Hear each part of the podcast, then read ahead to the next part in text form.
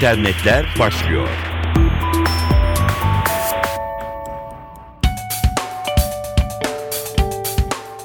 Merhaba sevgili NTV Radyo dinleyenleri, internetlerle karşınızdayız. Ben Dilara Eldaş.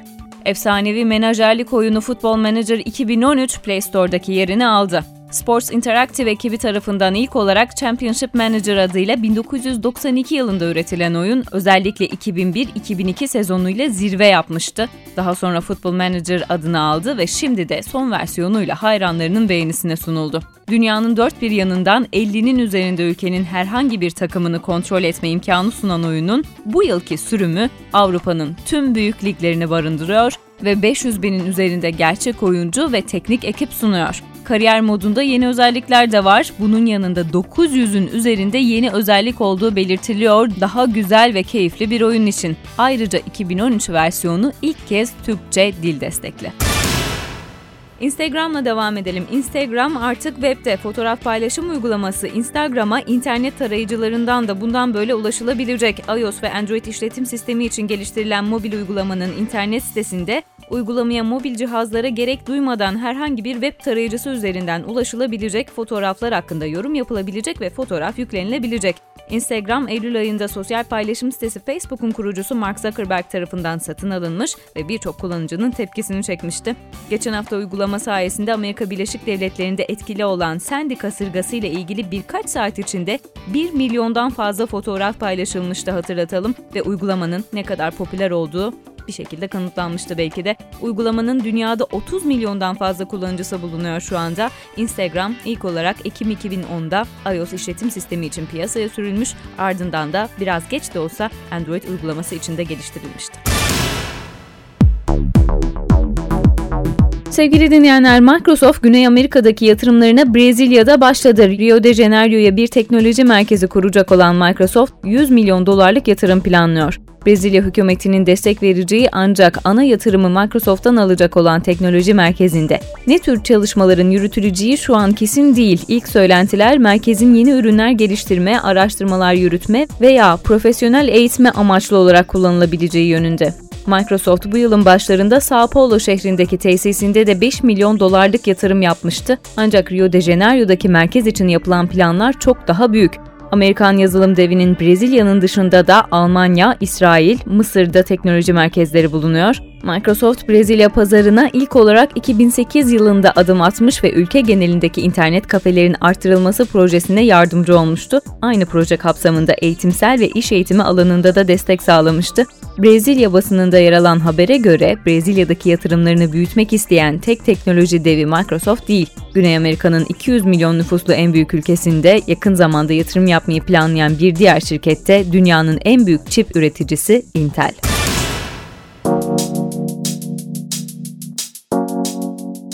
BlackBerry telefonlarının üreticisi Research in Motion en son modeli BlackBerry 10'un devlet kurumları tarafından kullanılması adına sertifika aldığını açıkladı. Yeni telefonuyla eski günlerine geri dönmeyi ümit eden BlackBerry böylece kritik bir başarıyı elde etmiş oldu. Research in Motion en yeni BlackBerry modelini ve sunduğu yeni kurumsal yönetim yazılımı Enterprise Service 10'un piyasaya sürüldükleri günden itibaren Amerikan hükümetine bağlı kurumlarda kullanılmasını sağlayacak.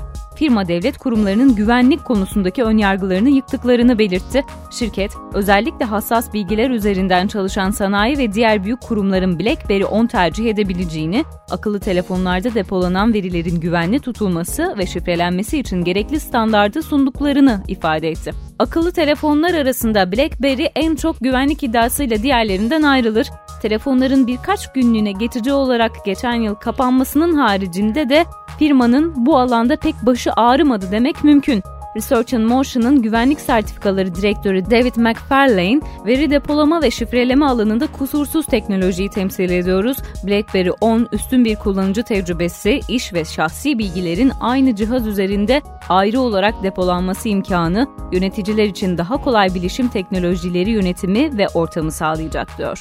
Research in Motion henüz yeni telefonun ne zaman piyasaya sunulacağını ise açıklamadı. Telefonun dünyanın dört bir yanındaki cep telefonu operatörleri tarafından denendiği ve çeşitli testlerden geçtiği ise biliniyor. Telefonun en büyük özelliklerinden biri BlackBerry'de alışılmış olan fiziksel klavyeyi ortadan kaldırması. Diğeri ise kamera uygulamasıyla fotoğrafların video gibi ileri geri sarılarak en iyi görüntünün elde edilmesinin sağlanması. Sektörden bir haberle devam edelim. Bir koltuk değişikliği haberi. TTNet'in genel müdürü değişti. TTNet Yönetim Kurulu 6 Kasım 2012 tarihi itibarıyla aldığı kararla finanstan sorumlu genel müdür yardımcılığı görevini yürüten Abdullah Orkun Kaya TTNet Genel Müdürlüğü'ne getirildi. Türk Telekom Grubu CEO'su Hakam Kanafani yeni atamayla ilgili olarak Abdullah Orkun Kaya'nın grup sinerjisinin temellerini bilen, TTNet'i daha da ileriye taşıyacak deneyime sahip bir yönetici olduğunu söyledi. Kaya, Bilkent Üniversitesi İşletme ve Amerika MIT Massachusetts Institute of Technology'den mezun, 2008'den bu yana da Türk Telekom bünyesinde çalışıyor.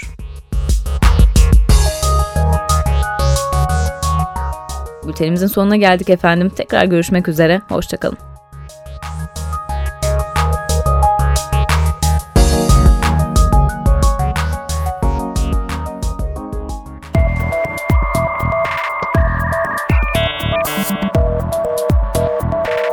İnternetler sona erdi.